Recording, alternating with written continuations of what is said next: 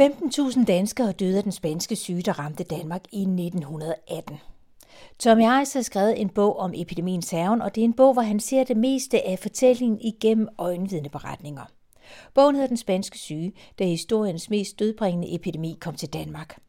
Og jeg hedder Dorte Chakravarti, og i dagens podcast, der fortæller Tommy Heiss om den spanske syge, og han fortæller om en af de personhistorier, en af de skæbne fortællinger, der har gjort størst indtryk på ham en af de historier, der har berørt mig mest, da jeg arbejdede med bogen, er, er historien om, om Johanne, som øh, var syv år, da den spanske syge kom til Aalborg. Hun fortalte mange år senere i sine erindringer, hvor hun beskriver, hvordan det, det kom til at få en stor betydning for, for hendes liv. Øh, det var i juledagen i 1918, at Johanne og hendes familie blev smittet af, af sygdommen. De boede i en lille lejlighed sådan i, i Aalborg Midtby og var et eksempel på en af de her mange, mange danske familier, som virkelig kun lige præcis havde til, til dagen og vejen i 1918. Øh, det var en enlig mor, der boede med fire børn, øh, Johanne og hendes tre søskende. Faren var død nogle år tidligere af en anden sygdom, vi ved ikke præcis hvilken. Men de boede der i, i en lille lejlighed øh, midt i Aalborg. Nogle gange var moren så heldig at have noget arbejde på det lokale slagteri. I andre perioder var hun arbejdsløs. Og det var sådan, at de her børn vidste ikke rigtigt, om, om, der, var, om der var aftensmad øh, den dag. Det var, sådan, det var, det var en, en spændende ting fra dag til dag, om der nu vil være noget at, at spise til aften. Johanne har den her rendring om, hvordan hun og storesøsteren Valborg går med spanden i hånden ned til folkekøkkenet i Aalborg i håb om at kunne få noget med hjem og spise den dag. Så det er altså en meget fattig og det er en meget øh, udsat familie. Og øh, da den spanske syge kommer til Aalborg, og Johanne og hendes tre søskende og moren alle sammen bliver smittet i, i juledagen i 1918, der bliver det vurderet, at de skal indlægges på hospitalet men fordi der er så mange tilfælde af spansk syge i Aalborg på det her tidspunkt, så er der fuldstændig overfyldt på, på hospitalerne. Så de kan ikke blive indlagt på det samme hospital. Så det bliver så besluttet, at moren og Johannes storebror Henry skal indlægges på et hospital, og Johannes skal indlægges sammen med sine to store søstre på et andet hospital. Så de tre søstre bliver altså indlagt sammen på hospitalet, men ikke sammen på sådan en måde, hvor de kommer til at ligge ved siden af hinanden. Øh, Johanne kommer til at ligge for sig selv, altså i en alder af syv år, i en seng på det hospital, uden at vide, hvad der foregår med, med hendes andre øh, familiemedlemmer. Og hun har sådan en lille, hun skriver i sine erindringer, øh, det tror jeg faktisk bare lige, jeg vil læse, fordi det er meget gribende. Øh, en af dagene, jeg således lå i min seng, hørte jeg tilfældigt en sygeplejerske viske til en af de andre på stuen, at den lille piges søster var død. Hun så med et lille nik hen efter mig. Så dukkede jeg mig ned under dynen og grundede over, hvad jeg havde hørt. Jeg græd ikke. Det kunne ikke rigtig gå op for mig, og jeg turde ikke spørge. Ja, når man sidder med sådan en kilde der, så, og når frem til det, så får man jo altså lige øh, en klump i halsen. Øh, kommer, man kommer meget, meget tæt på lige pludselig. Og det lyder, det lyder på en eller anden måde så brutalt, og samtidig så lyder det også bare Ja, som tiden. Det er vel sådan, det er. Der er pres på, og så er det også bare et andet sygehussystem. Ja, absolut. Man kan sige overhovedet det, at de faktisk bliver indlagt alle sammen på hospitalet, er egentlig sådan lidt opsigtsvækkende, tænker jeg. Også fordi det lyder ikke som om, de alle sammen er lige syge, men om det så har været, fordi moren var så syg, at man har ment, at børnene så skulle indlægges, for ellers var der ikke nogen til at tage sig af dem. Det, det fremgår jo så ikke af kilderne, så den del af det ved, ved jeg ikke. Men i hvert fald, så, der, altså det er jo rigtigt, det hun hører, da hun, det hun overhører, da hun ligger i sengen, der, at hendes øh, ældste storesøster, Mary, er død. Der er bare ikke nogen, der synes, at Johannes skal have det at vide. Og samtidig over på det andet hospital, et andet sted i byen, der sker der så samtidig det, at moren også dør af den spanske syge. Og det er der heller ikke nogen, der synes, de skal fortælle til, til Henry, som altså er indlagt på samme hospital som moren. Så da han bliver rask nok til at komme op og kan gå rundt på hospitalet selv, åbner han en avis, og der ser han morens navn på, på dødslisterne i, øh, i, i avisen. Og det er den måde, han finder ud af, at, at hans mor er død af den spanske syge. Så det er så først på et senere tidspunkt, da han bliver rask nok til at kunne gå over på det andet hospital, at de her søskende kan sidde og udveksle de ting, de nu hver især har hørt, at, øh, at det går op for dem, at de nu faktisk er forældreløse. Så da de går ud fra det hospital, jamen der står de tre søskende tilbage og, og har ikke nogen forældre og bliver jo altså det, det er jo den måde, det typisk foregik på dengang, så er det jo nogle familiemedlemmer, der går ind og, og overtager. De bliver spredt for alle vinder og kommer til at vokse op hos nogle moster og onkler og sådan noget forskellige steder i landet. Johanne kommer selv til at vokse op hos nogle slægtninge, som hun faktisk overhovedet ikke kender. Og på den måde, der er der jo i din bog de her skildringer, som simpelthen er så hjertegribende, fordi det er familier, der bliver splittet ad på den ene eller den anden måde. Rigtig mange familiemedlemmer dør i løbet af relativt kort tid, og nogen står så tilbage. Men lige for at gøre et hold her i de her personberetninger og øjenvidneskildringer, som du bruger så meget i din bog, hvad er den spanske syge egentlig for en sygdom? Den spanske syge er en, øh, en influenza, det er en influenza-pandemi, og når det er en pandemi, så betyder det jo, at den spreder sig til flere kontinenter. Den spanske syge spreder sig til hele kloden. Øhm, man ved ikke præcis, hvor den er opstået henne, men man kan, altså den, den, den har spredt sig til simpelthen de fjerneste stillehavsøer, til Alaska og til Sibirien hele vejen rundt. Der er sandsynligvis over 50 millioner mennesker, der dør af den spanske syge. Og den kommer altså så også til, til Danmark der i, i sommeren 1918. Det er altså noget, der spiller sådan sammen med afslutningen på Første Verdenskrig, og den måde pandemien spreder sig på øh, rundt i verden, øh, hænger sammen med verdenskrigen. Ja, og kan du ikke lige prøve at uddybe det, for det synes jeg var super interessant, da jeg læste. Altså de tidligste tilfælde af den, den epidemi, vi i dag kender som den spanske syge, dem øh, kan man spore tilbage til nogle amerikanske militærlejre i begyndelsen af 1918. Og man er jo på det her tidspunkt i et, et sted i verdenskrigen, hvor den står, man, altså det kan man se, når man læser tilbage i kilderne, dengang kommentatorerne forventer, at vi står over for en afgørelse nu, fordi Østfronten er blevet afmonteret, tyskerne kan flytte masser af soldater over til Vestfronten og måske afgøre øh, krigen med det, som vi så senere har lært at kende som den store tyske forårsoffensiv. Men så er amerikanerne jo samtidig kommet med ind i krigen efter at øh, tyskerne har, har sænket fragtskibe og, og passagerskibe ude i Atlanten med deres ubåde, der er USA jo blevet tvunget ind i krigen øh, i 1917. Og de er jo ved at, at klargøre millioner af unge mænd, som skal sendes til fronten i de her militærlejre. Så det er jo selvfølgelig et rigtig, rigtig uheldigt sted for sådan en sygdom at bryde ud. Fordi man kan se hurtigt, at den opfører sig meget usædvanligt. Den er meget aggressiv. Den slår, øh, den slår de her helt unge mennesker i deres bedste alder ihjel. Og normalt vil man jo nok sige, okay, vi er i gang med at sende 100.000 vis af unge mænd over Atlanterhavet over til Vestfronten. Måske skulle vi lige stoppe med at sende flere afsted, når nu der er sådan en sygdom, der bryder løs. Men konsekvensen af det kunne jo så blive, at tyskerne faktisk, øh, at centralmagterne med tyskerne i spidsen faktisk vinder verdenskrigen. Så det er jo virkelig et, et svært dilemma at stå i. Og man bliver altså ved med at sende unge mænd afsted.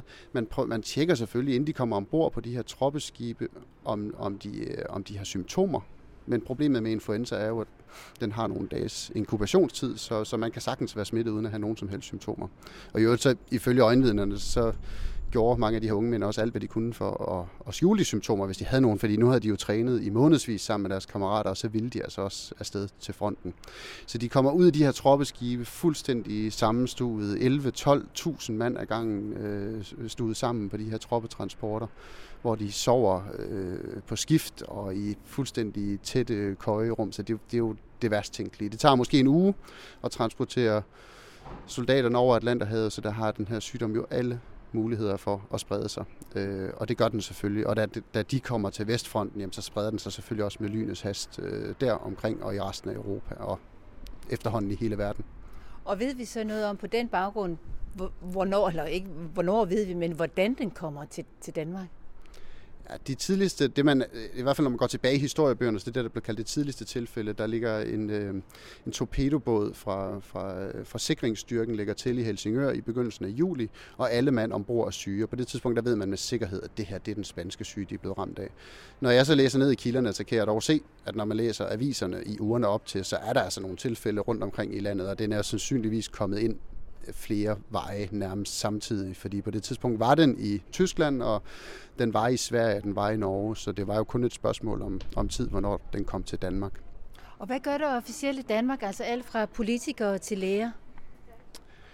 Jamen til at begynde med, så gør man ikke ret meget jo. Altså myndighederne tager meget den her rolle med, at øh, ja, det kan da godt være, det er underligt, at der kommer sådan en, en influenza her midt om sommeren. Det var jo usædvanligt, at der kommer en influenzaepidemi. Der er det også usædvanligt, at det især var unge mennesker, der blev ramt af den og at folk blev ramt med virkelig voldsom kraft.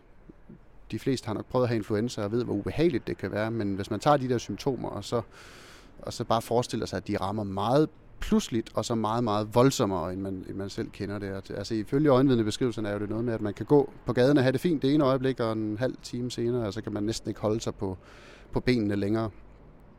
Øh, så den opfører sig mystisk, men altså myndighedernes reaktion er nu stadigvæk at øh, slappe nu af. Øh, det, det bliver skrevet i aviserne igen og igen. Avisen er jo meget sådan myndighedernes forlængede arm på det her tidspunkt, og der bliver nærmest talt ned. Altså der bliver gjort grin med folk, der sådan tager det, går, går i panik eller tager det for alvorligt og og der bliver altså, for eksempel det her med, ja, altså hvis folk gerne vil kalde den ved et eksotisk navn som den spanske syge, så skal de jo have lov til det, men det er jo bare en simpel influenza, og det går, det går jo over lige om lidt. Ikke? Øh, det var sådan det, der var tonen i lang tid.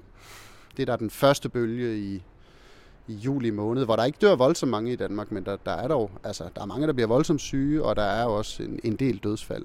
Så kommer anden bølge så i oktober-november og rammer med meget voldsommere kraft, og hvor der lige pludselig dør folk i hobetal overalt. Og der, der går det op for politikerne, at, at nu er det faktisk alvor det her. Man kan også se, hvad der sker i resten af verden, at det her det er altså en, øh, en meget alvorlig situation.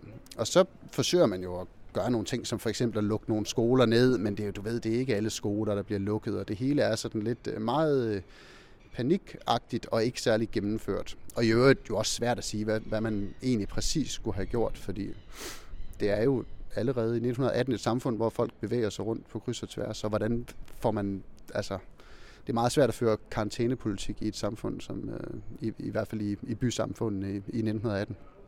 Men så er der jo så i hvert fald nogle enkeltpersoner, blandt andet, der gør noget. Og en af dem, du beskriver i din bog, det er Else Dahl. Hvem var hun?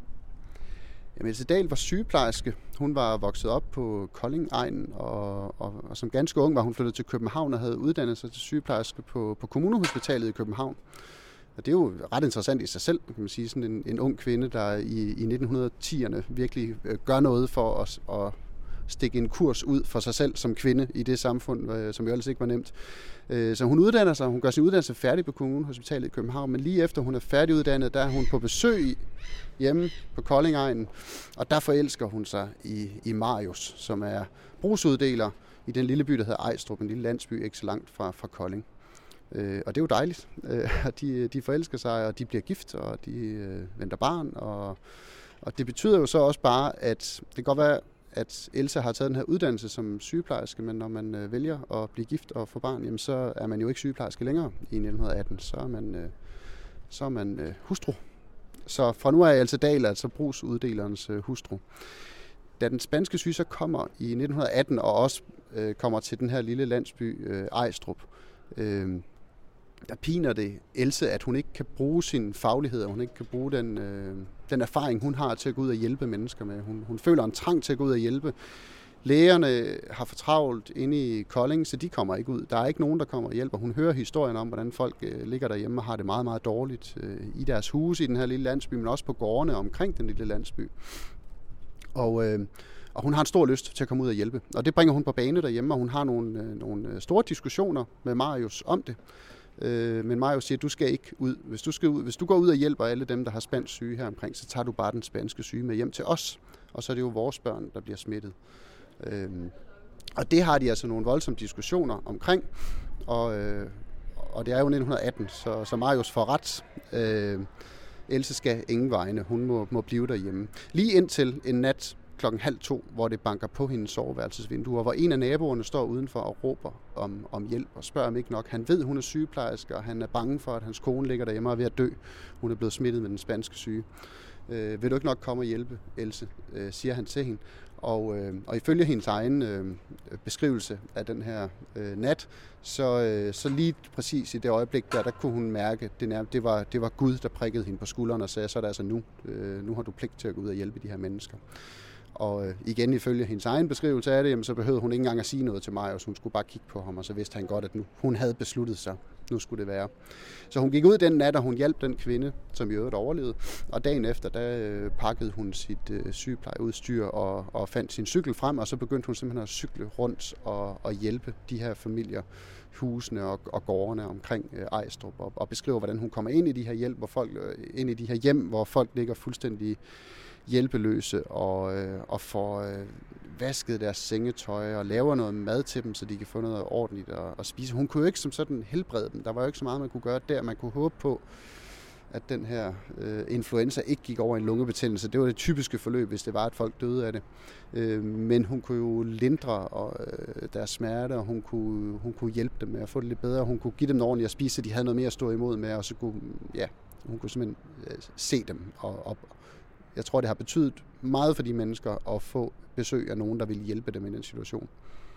Nu var sidste år, 2018, sådan et år, hvor der blev talt ekstra meget om den spanske syge, fordi der var det netop 100 år siden, at den rullede over både Danmarks og verdenskortet. Men når det er sagt med den markering, der var sidste år, så er det jo bund og grund sådan en lidt ufortalt historie. Og når du står her og fortæller, eller når man læser din bog, de her voldsomme skæbnefortællinger, som bare er så vilde og så dramatiske, som de er, og folk, der netop har skrevet ned i erindringer eller fortalt dig, hvad de har gjort efterfølgende, så kan det jo godt undre en lidt, at det her med den spanske syge ikke fylder mere i de store historiebøger. Hvorfor er det blevet sådan et lidt underfortalt kapitel? Jamen, det undrer jo også mig, og det er jo det, der i virkeligheden har sat mig i gang med det her projekt til at starte med, at da jeg begynder at læse om perioden, da jeg begynder at læse om den spanske syge, det går op for mig, hvor stor en tragedie det egentlig har været, så undrer det mig, at jeg ikke selv vidste mere om det til at begynde med. Altså jeg tror, hvis jeg skulle gå øh, tilbage i tiden til før jeg begyndte på det her projekt, og så forestille mig, at jeg i et quizspil fik et spørgsmål om den spanske syge, så er jeg faktisk ikke sikker på, at jeg kunne, øh, at jeg kunne sætte det rigtige årstal på. Og jeg kunne helt sikkert ikke se, hvilken type sygdom det var, eller hvor mange mennesker, der, der døde af den. Øh, og nu har jeg jo efterhånden talt med rigtig mange mennesker, også når jeg tager rundt og holder foredrag, taler med mange mennesker, og det er egentlig sådan, de fleste har det med den spanske syge. Og det, der er jo et misforhold mellem det, og så hvor stort og voldsomt øh, det egentlig har været, hvor stor en, en tragedie det har været. Og når jeg er ude og holde foredrag, jamen folk, der står som regel folk i kø bagefter for at komme op og fortælle deres egne familiehistorier om, hvordan en eller anden i familien var syg, måske endda døde, og hvordan det har sat sig spor i familien helt op til i dag. Øhm, så man kan godt undre sig. Jeg tror, det har fyldt meget i nogle enkelte familiers øh, historier, men i den store kollektive øh, historiefortælling, der har den været underligt sådan øh, øh, væk. Øh, der er nogle forskellige bud på, hvorfor det er sådan. Det er ikke kun i Danmark faktisk, det er også i andre lande, øh, at man taler om, om, øh, om The Forgotten Pandemic, at, at det simpelthen er en historie, der ikke er blevet, blevet fortalt. Øh, der er nogle historier, der argumenterer for, at det kan være, fordi det falder sammen med Første Verdenskrig, og det simpelthen er for stort et traume, til vi kan tage mere ind. Det er især britiske historikere, der argumenterer for det, og det kan jeg godt forstå, hvis man ser det ud fra sådan en britisk synsvinkel, at så er det godt nok et voldsomt øh, tidspunkt. Øh, men, men det synes jeg, der har vi jo ikke i Danmark den samme det samme store kollektive traume omkring den første verdenskrig, fordi vi stod uden for den. Øh, så jeg synes ikke helt, det forklarer det. Jeg tror, altså mit bedste bud på det er faktisk, at de, altså vi, historier og fortællinger skal jo have nogle, nogle, nogle helte. og hvem er helten i den her historie? Og hvem sad på historiefortællingen for 100 år siden? Øh, politikerne, myndighederne, øh, forskerne, havde ikke ret meget øh, stolthed ud af den her fortælling bagefter. Det var måske snarere sådan lidt en, en pinlig affære. I 1918 troede man jo, at menneskeheden, mange troede, at menneskeheden måske havde set den sidste øh, store epidemi, fordi at, øh, at det er jo efter bakteriologiens gennembrud. Vi tror, vi kan se alle mikroorganismerne, og hvis der kommer noget nyt, der rammer os, så kan vi bare identificere, hvad det er, og så udvikler vi en vaccine, eller hvad der nu skal til, for at vi kan få bugt med det her. Men den spanske syge øh, er bare ikke mulig at, at håndtere på den måde. Øh, så på den måde så kommer den til at udstille videnskabens begrænsninger. Og det tror jeg er en, en ret uheldig affære i 1918, hvor, hvor man jo et eller andet sted har, altså hvor videnskaben nærmest har på det tidspunkt erstattet Gud, altså som en stor ophøjet, altså det, det der kan redde os fra, fra alt på en eller anden måde. Den aller sidste ting, jeg lige skal høre, det er, hvad sker der med den spanske syge, hvis ikke lægerne kan øh, bringe en ende på den? Hvad sker der? Hvor ender den henne? Jamen, den går jo over af sig selv. Øh, det kan jo også være en af grundene til, at, at der ikke er altså, fortællingen. Vi kan godt lide, at der kommer nogen og besejrer den der drage. Men altså, det er jo sådan med, med influenza, at de, øh, de, de muterer jo en lille smule. Og det der, altså med den spanske syge, man har jo fundet ud af i dag, efter man, det er nu blevet muligt at rekonstruere øh, den virus, at at det, er, at det har været en fugleinfluenza, der er skiftet til mennesker. Og det er jo typisk der, det bliver rigtig farligt med de her influenzaer. Den er, den er sandsynligvis skiftet med svin som mellemstation. Øh, og derfor har den været fuldstændig ukendt for mennesket i det øjeblik, den rammer os.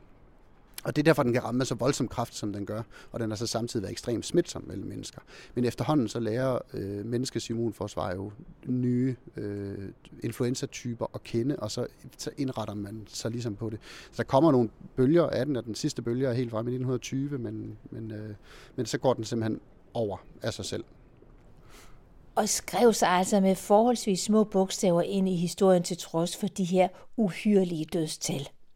Tommy Harris bog, den hedder Den spanske syge, da historiens mest dødbringende epidemi kom til Danmark. Og jeg hedder Dorte Chakravarti, og tak fordi du lyttede med.